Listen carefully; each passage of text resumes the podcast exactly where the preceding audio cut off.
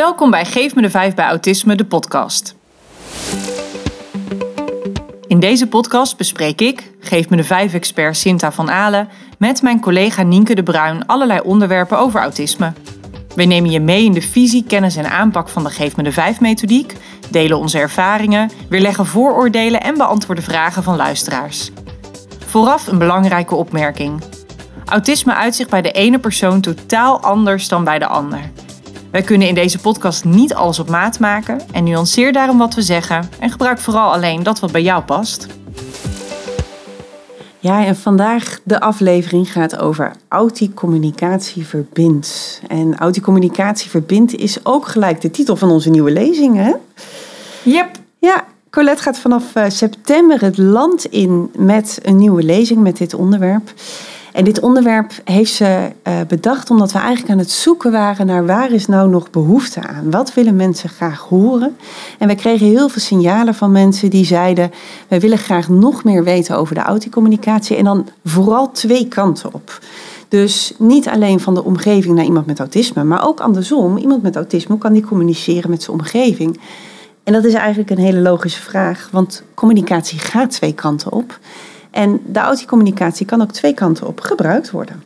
Nou, voilà. Ja, misschien ook heel goed, want ik gebruik nu al heel vaak het woord auticommunicatie, om even uit te leggen wat auticommunicatie dan eigenlijk is. Ja, dat is ook een mooie, mooie afkorting, het woordje auti van, uh, van autisme. Maar het is, het is eigenlijk niks anders dan een uh, duidelijke en voorspelbare manier van communiceren. Um, om beter te uh, begrijpen en beter begrepen te worden. Ja, klopt. Dat is ja. heel, mooi, zo gezegd. Ja, zeker. En wij zitten hier vandaag niet uh, uh, alleen aan tafel, maar wij zitten hier samen met een gast. En onze gast vandaag is Lieke. En Lieke is 29 jaar, een enorm bezig bijtje, want ze heeft net haar opleiding tot ervaringsdeskundige afgerond. En ze werkt bij een dagbehandeling met jonge kinderen, waar zij heel mooi de vertaalslag kan maken tussen deze jonge kinderen en de behandelaren daar. Daarnaast geeft Lieke ook lezingen over autisme. En zij gaat dit jaar mee op lezingtour met Colette. Dat doet ze niet alleen. Er zijn nog vier collega's die met haar meegaan. En dat zijn Suleman, Rowan, Elin, uh, nee, ik zeg het verkeerd, Eline en Frits. En uh, deze vijf mensen zullen alle vijf in de lezing te zien zijn op filmbeelden. Maar wat er uh, bijzonder aan Lieke is, dat Lieke ook echt live meegaat naar deze lezing samen met Suleman. En ook graag op het podium het een en ander vertelt. Ja, ja, welkom. Dankjewel, dankjewel. Fijn dat je er bent. Uh, Lieke, je bent hier vandaag dus omdat je meegaat naar die lezing toe, maar ook omdat we dan al een beetje kunnen kennismaken met jou en met jouw verhaal. En eigenlijk is de eerste vraag die ik dan wel aan jou heb, is hoe het begon. Hoe merkte jij eigenlijk voor het eerst dat jij autisme had of autistisch bent? Ik weet niet wat jij het liefste zegt. Autisme, autisme. Ik heb autisme. Je hebt autisme? Ja. Oké, okay, helemaal goed. Hoe, hoe merkte je dat voor het eerst? Um, nou, mijn ouders werken al zijn hele leven in de zorg. En eigenlijk zagen die al uh, ja, in het begin van... hey, dit meisje komt niet helemaal mee. Ik had ook al een andere beperking. Maar ik, ja, het gedrag veranderde bij mij steeds meer. En ik kon uh, emotioneel uh, heel laag niveau. Dus ik kon niet meekomen. ik, ja, kon de mensen niet ja, herkennen qua emoties, mijn gedrag veranderen. Dus toen ja, kwamen we er eigenlijk een beetje achter, hey, er is iets aan de hand. Alleen, um, uh, mijn ouders dachten best wel snel ook al aan autisme. Maar uh, ik ben heel vaak getest en elke keer was het wel of niet. Omdat vrouwen met autisme ook nog niet zo bekend was. Dit is zeg maar ik was toen zeg maar 14 toen ik begon met te testen. Ja, toen, dat is natuurlijk nu al een paar jaar, jaren geleden. En toen was het natuurlijk ook nog heel erg op de jongens gericht. Dus het heeft wel een paar keer uh, ja, geduurd. En ik zeg ook altijd, ja, ik vind die stempel eigenlijk helemaal niet belangrijk. Maar die stempel moet je wel hebben om uh, ja, de juiste zorg te krijgen. Mm. En te weten wat voor jou helpt. Dus... En, en als je zegt jouw gedrag veranderde, weet je dan nog een beetje wat er dan veranderde? Uh, ja, ik uh, ja, was heel snel, uh, kreeg ik punthoofden. Nou, dat betekende bij mij boos, verdrietig, mijn eigen pijn doen. of alleen maar op bed liggen en niks meer willen. En uiteindelijk zo dat ik gewoon niet meer wilde leven. Oh. En ja, suicidale gedachten had. Wat heftig. Ja, ja. Yeah. En eigenlijk was het voor mij help mij, want ik begrijp mijn eigen gewoon niet. Ik snap niet wat er in mijn hoofd gebeurt. En uh, ik kon de mensen zelf ook niet begrijpen. Nee. Nee. Dat snap ik. Dus de communicatie was het moeilijkste eigenlijk. Want je kon zelf niet uiten wat je voelde en waarom ik me voelde. En ik kon uh, mijn familie of mijn ouders niet begrijpen hoe zich zich gedraagden. Want ik kon gewoon de emoties niet herkennen. Ja. ja. lastig. En je zegt help mij, ik begrijp het niet, ik begrijp de omgeving niet. Maar dat kon je toen niet zeggen als nee. je het goed begrijpt. Nee. nee. Dat wist ik toen niet uh, dat dat was. Maar ik weet nu wel, als ik me wat slechter voel, dan zeg ik heel vaak: ik wil naar huis, ook al ben ik thuis. Maar eigenlijk is het woordje helpen, want ik weet het even niet meer. Dus dat heb ik echt geleerd. Ja, die heb je geleerd. Ja. Oh, ja. ja. ja. Mooi is dat je, dat je dat ook weet. Dat als jij dus het gevoel hebt: ik wil naar huis, ongeacht waar je bent, ook al ben je thuis, ja. dat dat dus eigenlijk gewoon betekent: ik overzie het niet meer. Nee. Nee. Hey, en je zegt, ik had heel veel punthoofden in die tijd. Hoe ontstond dat dan, zo'n punthoofd? Nou, uh, ja, uh, het, ja, eigenlijk mensen die mij kenden en het op een gegeven moment wisten, die zagen ook wel uh, het zien aankomen. Maar ik werd vaak stiller, tro trok me terug. Maar, en eigenlijk soms gebeurde bij ja, een druppel, dus eigenlijk bij iets heel kleins, kwam die ontploffing. Maar dat was omdat er allemaal al dingen ervoor waren gebeurd ja, kon ik het nog niet aangeven. Dus als dan mijn vader bijvoorbeeld zei... Uh, Lieke, wil je eventjes wat voor mij doen? Dan kon dat misschien al de druppel zijn dat ik ging ontploffen. Dus eigenlijk niet eens de oorzaak waarom mijn hoofd al zo vol was. Nee, maar dat kon er al niet meer bij. Nee, nee. En, dat, ja, en eigenlijk toen in die periode gebeurde dat zeker wel elke dag en soms wel meerdere per dag. En wat zat er dan bijvoorbeeld in je hoofd? Uh, nou, het, mooie, het meest wat ik had, had wat, heb, wat ik heb gehad is 63 mapjes. En dat uh, ging echt van ja, pijntjes tot uh, dingen dat iemand zei... we gaan een keer naar de bioscoop bijvoorbeeld. Tot ja, problemen waar ik keuzes van moest maken. Ja, echt van alles. Ja, 63, dat is echt heel... Heb jij, Nienke, wel eens iemand uh, ben je wel eens iemand tegengekomen die, die meer dan 63 dingen open had staan? Nee, zeker in het niet. Hoofd? Nee, ik denk dat het goed is om mensen mee te nemen. Want waar we het dan over hebben, is dat er 63 mappen in het hoofd openstaan. Dan bedoelen wij dat er 63 onderwerpen dus onduidelijk zijn. Ja. En je zegt van dat iemand zegt: Ik ga bijvoorbeeld naar, hè, naar de bioscoop. Ja. Tot pijntjes die je hebt in je lijf. Zo waren er 63 onderwerpen. Nee, Sinta, ik heb het zoveel nog niet meegemaakt. Het is echt, echt bizar. Nee, want jij bij een pijntje in je lijf, dus je kunt denken, waar komt het dan vandaan en wanneer gaat het weer over en wat is het dan en is het gevaarlijk en moet ik er iets mee? En als iemand zegt, oh we gaan wel een keer naar de bioscoop, ja wanneer is dan een keer? En moet jij dan het initiatief nemen of iemand, om iemand uit te nodigen? Gaat de ander jou vragen en wanneer doet hij dat dan en naar welke film ga je dan? Ja, en dat dan keer 63. Ja. Ja, ja. ja niet te doen. Ik snap wel dat jij meerdere keren per dag een punthoofd had. Ja. ja. En jij waarschijnlijk als je nu terugkijkt ook. Ja, ja, klopt. Klopt. Ja. Maar helaas toen, uh, mijn ouders begrepen het wel, omdat ze toen uh, ja, kwamen hier bij Geef me de Vijf. Maar helaas andere mensen niet. Dus, en die beoordelen alleen maar het gedrag. En uh, niet waardoor dit kwam. En wat zeiden mensen dan bijvoorbeeld? die gingen juist me vol proppen met pillen. Dat ik het gedrag zou stoppen. Of als ik boos was, werden ze juist doe nou normaal. En dit is niet leuk voor ons. Oh.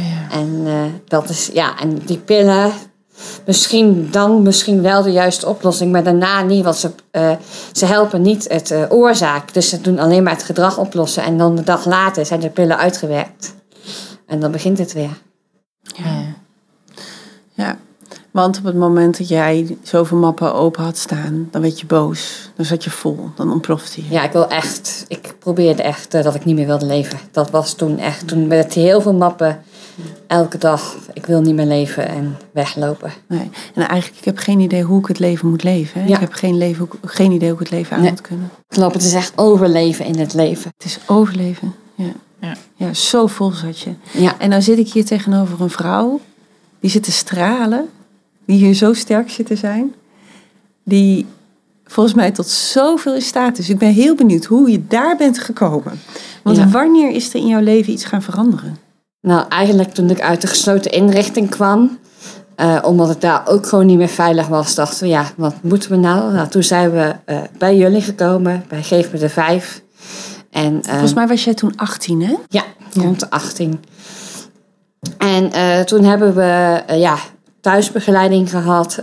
ik ben hier ook echt een paar keer nog. De eerste keer was net in de avond dat we nog hier konden komen. Want ja, we wisten het gewoon echt niet meer. Toen heeft uh, eigenlijk Colette was de eerste kennismaking.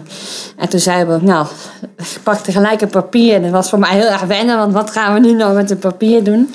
Nou, toen gingen klinkt als Colette. Ja. ja. Ik wil zeggen, dit klinkt bekend. Nou, dan gingen we eigenlijk ja, tekenen. En uh, toen, ik, ik vergeet dat nooit meer. Uh, ik werd net 18. En mijn broers die kregen altijd een rijbewijs als cadeau. Maar ja, ik kon dat gewoon niet. Dus mijn ouders zeiden, ja, we hebben een verrassing voor jou. En de ene keer zei ja, het is een fiets. En de andere keer was ze, gingen naar Euro Disney. Maar dat wat mapje stond bij mij open. Dus Colette zegt tegen mijn ouders, nou, wat gaat Lieke dan doen? Ja, maar dat is toch een verrassing? Nee, verrassingen, verrassingen is voor mensen met autisme niet leuk. Dus zeg maar wat je gaat doen. Nou, toen zeiden mijn ouders, nou, naar Euro Disney nou. Toen begon ik wel net gelijk met wie, wat, waar. Nou, en toen was het voor mij gerust en ik was helemaal blij. En mijn ouders dachten, oh, nu hebben we de verrassing niet meer. Maar ik vond het helemaal fijn. En ik kon nog meer genieten dat we daar naartoe gingen. Dus dat was eigenlijk de eerste kennismaking uh, hier met Geven de Vijf. Nou, toen merkten we dat, ja, dat het echt hielp. Dus mijn ouders zijn alle cursussen hier gaan doen. Uh, ja, ik dus de thuisbegeleiding. En zo ging ik steeds meer, uh, ja, Geef me de Vijf gebruiken. Al mijn begeleiders hebben cursussen en lezingen gedaan. En ja, zo ging het steeds beter. En eerst moest ik nog echt, uh, kon ik nog niet aanvoelen dat mijn hoofd vol zat. Dus kwam mijn moeder echt naast me zitten. En dan zei me, we gaan tekenen. Ik zei, nee, er zit toch niks in. Nou, uiteindelijk zat er wel wat in. Niet gelukkig niet meer zoveel, maar ook wel soms 10, 15 mapjes. En uiteindelijk, ja, ging ik dat steeds meer... Ik zeg altijd het trappetje omhoog. Dus ik ging het echt leren. Dus ik heb uh, ja, structuur kreeg. Dus ik kreeg echt uh, de structuurbakken. Dus als ik vrije tijd had, kon ik eigenlijk niks. Ik ga heel even terug naar de volgende. Want jij wil naar het onderwerp van structuurbakken. Die, die gaan we even vasthouden. Maar even terug naar het mappen sluiten. Want jij kwam dus hier de alle keer, de eerste keer binnen, s'avonds laat. Dus ik denk dat het crisis was, dat je hoofd zo vol zat dat het echt niet meer ging. En Colette was hier. Ja. Die is hier blijkbaar naartoe gekomen voor jou. En die is gaan zitten, heeft pen en papier gepakt en die is mappen gaan sluiten met jou. Die is gaan kijken wat zit er in je hoofd. En één onderdeel daarvan was die verrassing, die voor jou echt niet fijn is. Want verrassing betekent onduidelijkheid. Ja, klopt. En eigenlijk zijn jullie dat heel erg zelf gaan leren. In het traject hier zijn jullie gaan leren hoe kan jij alles wat in je hoofd komt, wat open staat, hoe kan je dat op papier zetten en zorgen dat het duidelijk wordt. Duidelijk op de vijf, wie, wat, waar, wanneer en hoe. Ja. En dat er dus rust komt. Ja. En dat deden we eerst echt ook met tekeningen erbij en uh, schrijven. En later uh, alleen schrijven. Ja, dat was hoe ik het zelf fijn vond. Ja. En uh, ja, dat deed ik samen met mijn moeder. En eigenlijk, als we even naar het nu kijken, kan ik het veel beter zelf aanvoelen. En hoef ik eigenlijk niet eens meer mijn hoofd te tekenen. En weet ik het soms. En soms zeg ik even op een briefje. Nou, dit en dit en dit zit er in mijn hoofd. En soms denk ik, ah, ik kan het al zelf oplossen. Ik ga even die mm. bellen, want dat is daar onduidelijk. En soms ben ik nog even een begeleider of mijn moeder op van dit zit er in mijn hoofd, hoe kan ik het oplossen? Ja. Ja, prachtig. Wij noemen dat ook wel echt wel regie over eigen leven hebben. Ja. En we hebben het al vaker gehad, wel in deze podcast, over dat mensen soms zo bang zijn dat als je um, uh, te veel aanpast, hè, dat, dat de buitenwereld is niet zo. En hoe gaat iemand zich dan staande houden? En keer op keer komen er hier dan gasten, waaronder jij nu weer, Lieke, die uh, bewijzen dat het de juiste manier is om uh, rust te creëren, waardoor je, nou zoals je heel mooi zegt, die trap omhoog kan en kan groeien, waardoor jij nu zelf kan voelen in je lijf. Hey, mijn, mijn hoofd zit vol.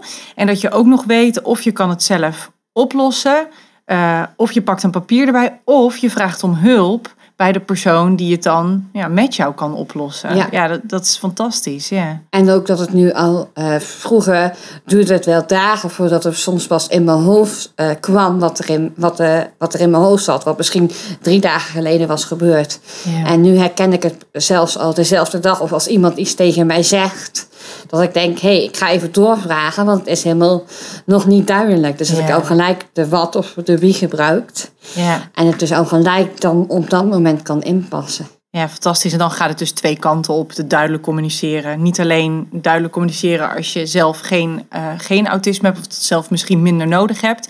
Maar ook dat de persoon met autisme kan leren. hey, dit klinkt niet duidelijk. Ik ga even doorvragen.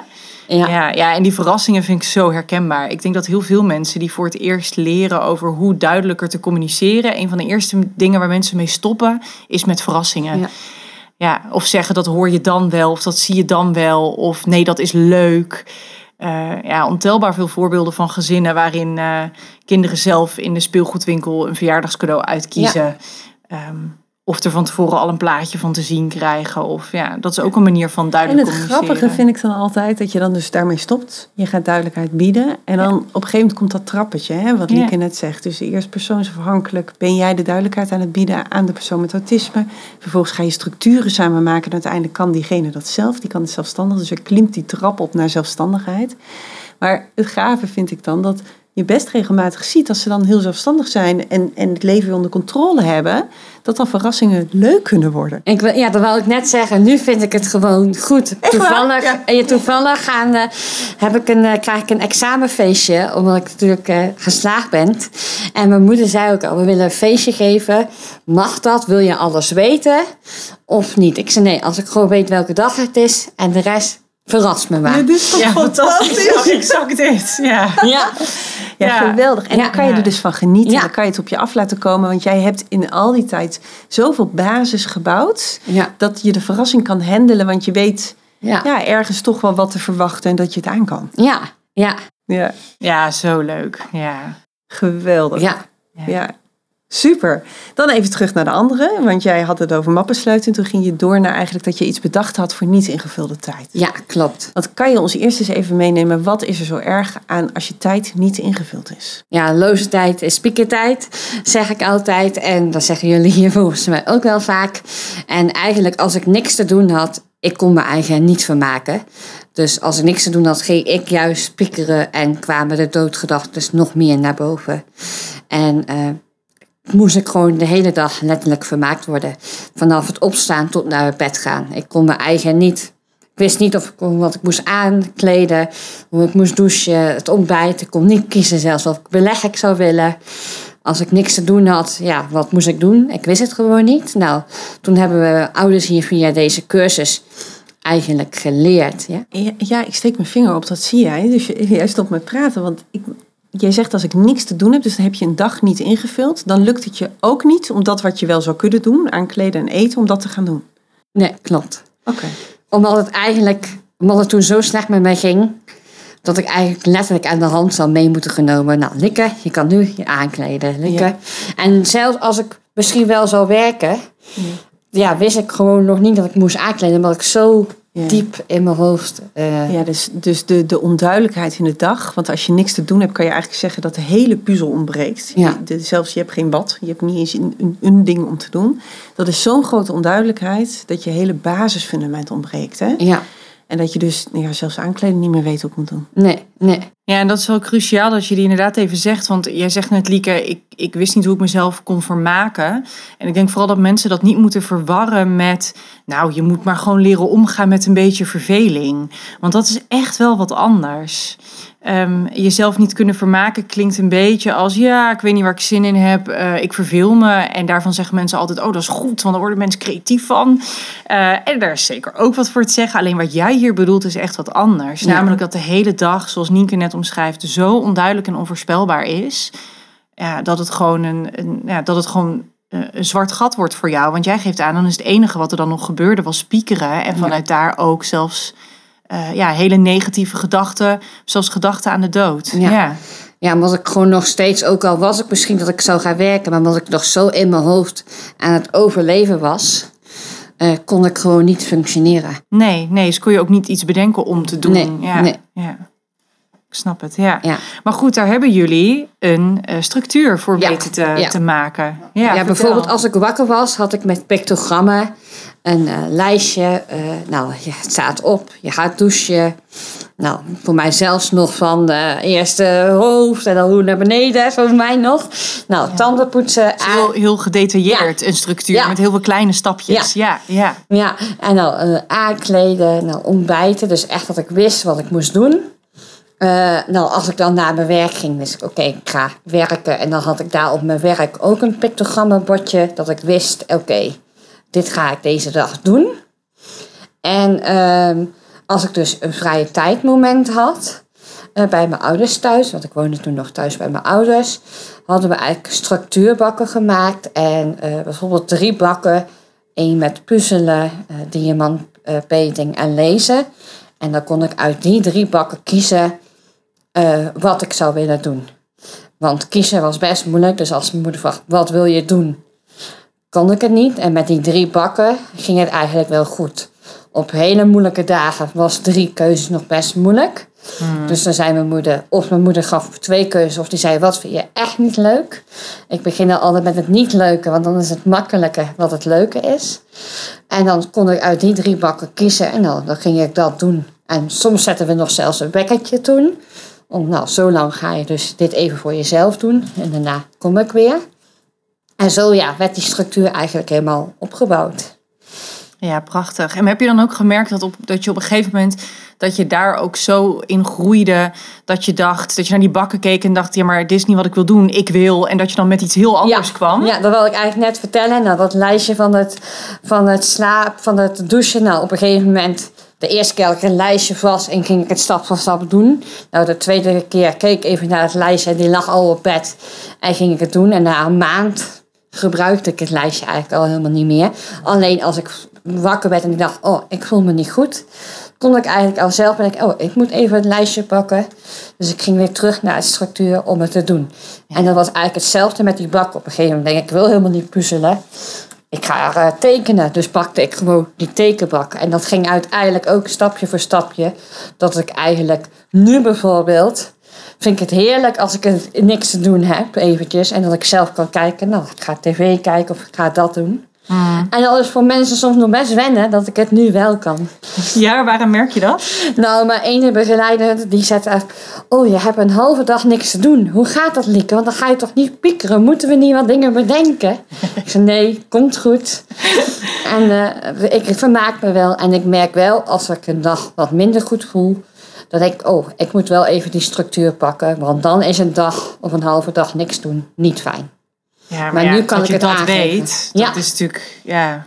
Ja, en je geeft zulke mooie, prachtige voorbeelden van hoe de methodiek werkt. Dit is echt hoe het werkt. De, de, je ziet ook dat Sint en ik al voorspellen wat jouw volgende stap is. Want we weten hoe goed jij erbij zit.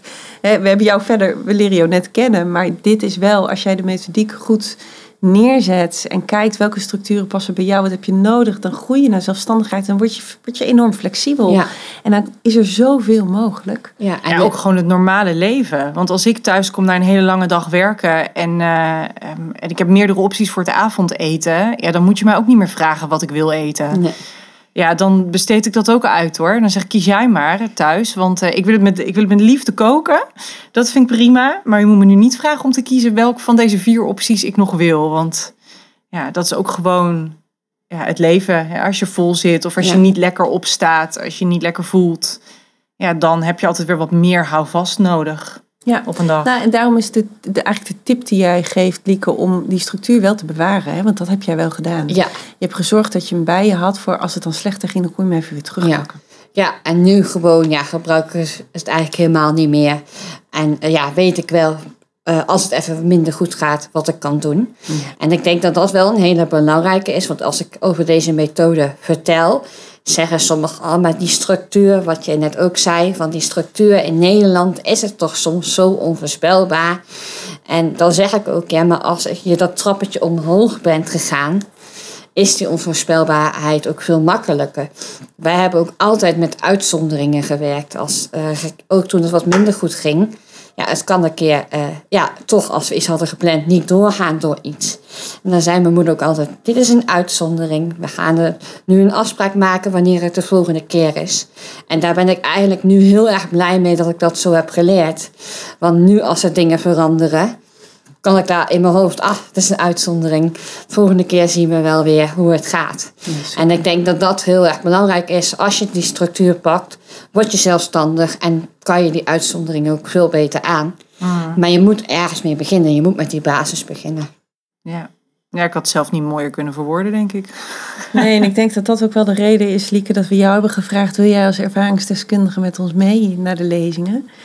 Ehm, want daar ga je ook echt prachtig vertellen over al deze dingen. En uh, volgens mij heb jij enorm veel tips die je aan mensen kan geven. Ook in die verbinding. Hè? In die, in die verbinding tussen mensen die, die autisme hebben en die geen autisme hebben. Want daar ben ik dan nog wel benieuwd naar. Hoe is dat veranderd in contact bijvoorbeeld met je ouders? Uh, ja, veel meer. Mijn ouders, ja, die begrijpen mij, die keken. Het moest echt leren, dat zeggen ze altijd zelf, door de autibril kijken. Dus echt kijken, hé, hey, hoe denkt Lieke? Maar als mensen ervoor openstaan, ik zeg ook als mijn ouders hier niet hadden voor open hadden gestaan, was ik nooit zo ver gekomen. Dat heeft ook echt, ja, die vertrouwen en dat ze met die kracht gaven, heeft echt heel veel gedaan. En ehm, als nu zie je gewoon ja, dat we elkaar begrijpen en soms elkaar zelfs kunnen helpen. Want mijn ouders hebben zelf ook een zorgbedrijf. Dus het is soms heel mooi dat ik hun weer kan helpen en hun zien hoe het bij mij gaat. Dus dat is gewoon heel erg fijn. Maar ook in de buitenwereld. Uh, ja, merk ik, ik ga, werk nu ook met iemand met de gemeente samen.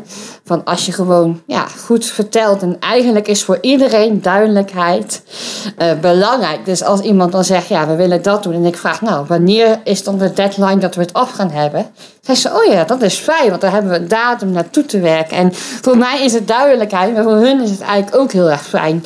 En ik denk gewoon dat je in bedrijven of in de buitenwereld heel goed samen kan werken met elkaar met en zonder autisme. Ja. Omdat uh, als maar die duidelijkheid in de autocommunicatie goed is. Ja, en eigenlijk zou je autocommunicatie ook duidelijke communicatie kunnen noemen. Ja, ja het, is verwachting, het is eigenlijk verwachtingen uitspreken ook. Ja, klopt. Ja. Dat benoemen wat er is. Ja. Het, het concreet maken wat nog niet concreet is. Ja, afspraken maken. krachtig zijn, afspraken maken. Ja, dat is wat autocommunicatie is. Ja. Ja, ja. Mooi en dat is voor iedereen prettig. Ja. Jij noemde net, uh, Nienke, uh, over het meegaan naar de lezing. Hè? Dat je, jij, Lieke, gaat daar heel veel uh, tips natuurlijk ook aan mensen geven. Mag ik misschien alvast een tip waarvan je nu al denkt... oh, dat is sowieso een tip die ik mensen ga meegeven? Oeh, dan moet ik heel even denken. Ja, dat snap ik. um, ja, wat ik eigenlijk net ook zeg, het openstaan en de vertrouwen geven... aan de persoon met autisme... Uh, dat diegene het kan. En dus samen, niet, ik zeg ook altijd, ga samen met de cliënt of de dingen overleggen wat voor diegene het beste is. Dan kom je denk ik het vest. Dus dat geef ik ja, heel erg mee. Geef die vertrouwen. Ga samen om tafel. Wat is voor jou het beste? Hoe gaan we het aanpakken?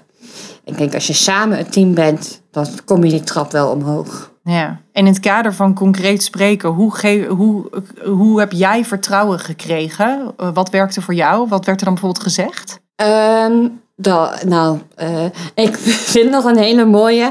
Toen ik ook hier de eerste keer kwam, kregen we een glas drinken. Nou, we moesten hier de trap op. En mijn vader, die zei gelijk, kom maar Lieke, geef het glas maar. En Colette zei gelijk, nee, dat kan ze best zelf. Ze kan best met die, met die glas die trap op. Want, want Colette zei ook al, nu geef je eigenlijk al de vertrouwen dat ze het niet kan. En pak je het over. En jij bedoelt het eigenlijk heel erg lief van, ah, ik help je wel. Maar laat het gewoon zelf gebeuren. En dat zie je nu ook uh, verder. Ja, mijn ouders, die zeiden ook al, die, die zeiden, kom, we gaan het gewoon proberen. En als het een keer niet was, stonden ze me naast me om me weer te helpen. En ik denk gewoon uh, het overleggen samen en het gewoon uitproberen. Ook al dachten ze, me, lukt het wel? Was gewoon heel erg fijn. Ja, dus gewoon alleen al de opmerking, dat kan je zelf, ja. is al ja. vertrouwen geven. Ja. ja. En dan ook echt een stapje achteruit doen. Ja, en dan misschien weer een stapje vooruit als het een keer wat minder gaat. Ja, ja, natuurlijk. Stapje achteruit betekent niet verdwijnen uit beeld. Hè, blijf in de buurt. Nee, maar, dat is denk ik wel een mooie dat mensen ook... Uh, dat je denkt, nou, laat diegene het doen. Maar als het in een veilige omgeving is... gebeurt het een keer dat het niet lukt... ga dan wel weer helpen. Ook al denk je, ja, ik wist dat het niet lukt. Ja, maar dan heeft diegene het wel ervaren. Ja, mooi. Ja. ja, en al deze onderdelen die je noemt, dat is onderdeel van onze basishouding. En die hebben wij niet voor niets beschreven binnen onze methodiek. Want zonder deze basishouding red je het niet. Nee. Het samen doen, het naast elkaar staan, het vertrouwen hebben. Ja, Ja. mooi. Dankjewel, Lieke. Je verwoordt het prachtig. Ja. Wij bespreken met onze gasten eigenlijk ook altijd een vooroordeel. Is er een vooroordeel, Lieke, waar jij wel eens tegenaan loopt?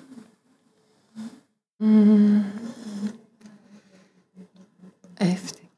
Ja, weet niet of het echt een vooroordeel is. Want het is best wel weer een moeilijk woord eigenlijk. Ehm, dat eh, als, ehm, als ze zeggen van, eh, ja, wat, eigenlijk wat ik ook zei, dat als er een keer een structuur wegvalt, dat je het dan niet kan. Nou, dat is, dat is een vooroordeel. Ja. Dat is iets wat mensen dus denken, wat hoort bij autisme, Ja. wat helemaal niet klopt. Ja. Ja. En wat zeg je dan als iemand dat tegen jou zegt? Eerst geloofde ik het een beetje, omdat ik toen nog niet zo zelfverzekerd was. Dus toen dacht ik, nou, ze zullen wel gelijk hebben. En nu zeg ik eigenlijk wat ik jullie ook heb gezegd. Nee, ik heb die basis en dat trappetje, dus ik kan het gewoon. En als het niet lukt, zou ik het wel zeggen. Nou, bam. ja, fantastisch. Ja, Super. Lieke, dankjewel. Ik denk dat er na deze aflevering mensen eh, jou graag gaan zien bij de lezingen. Goed om te noemen, want eh, Lieke, wij komen op heel veel plekken. Ik weet niet of jij zo in je agenda hebt staan, maar wij Ja. komen met de lezingen in heel Nederland. Bij, in Leeuwarden in het theater komen we. En in Meppel in Uden. In Assen en Dronten. We komen naar Doetinchem, naar Venlo, Sittard, Gouda, Amersfoort, Middelburg, Tilburg, Groningen, Drachten, Hogeveen. De lezing komt ook in Genk, in Winterswijk, in Emmeloord, Nijmegen, Nieuwegein, Alkmaar, Deventer en Eindhoven. En daar ga je allemaal mee naartoe. Ja, Een feestje of niet? zeker. Ik heb er heel veel zin in. Leuk, goed zo. Dankjewel dat je hier was. Graag gedaan. ja dankjewel. Onze volgende, afle- volgende aflevering gaat over moederen met autisme. Hoe is het om moeder te zijn als je zelf autisme hebt? Bedankt voor het luisteren naar Geef me de Vijf bij Autisme de podcast. Als je je abonneert, dan word je op de hoogte gebracht zodra er een nieuwe podcast online komt. Vergeet ook zeker niet om een reactie op deze aflevering achter te laten, daar waar je deze aflevering hebt beluisterd of op onze social media. Wil je meer leren over onze methodiek of over de lezingen waar Lieke ook aanwezig zal zijn? Kijk dan even op onze website www.geefmede5.nl voor onze boeken en scholingsaanbod. Heb je vragen of opmerkingen over deze aflevering? Die kan je sturen naar podcast.geefmede5.nl. Geef me de 5 met het cijfer 5.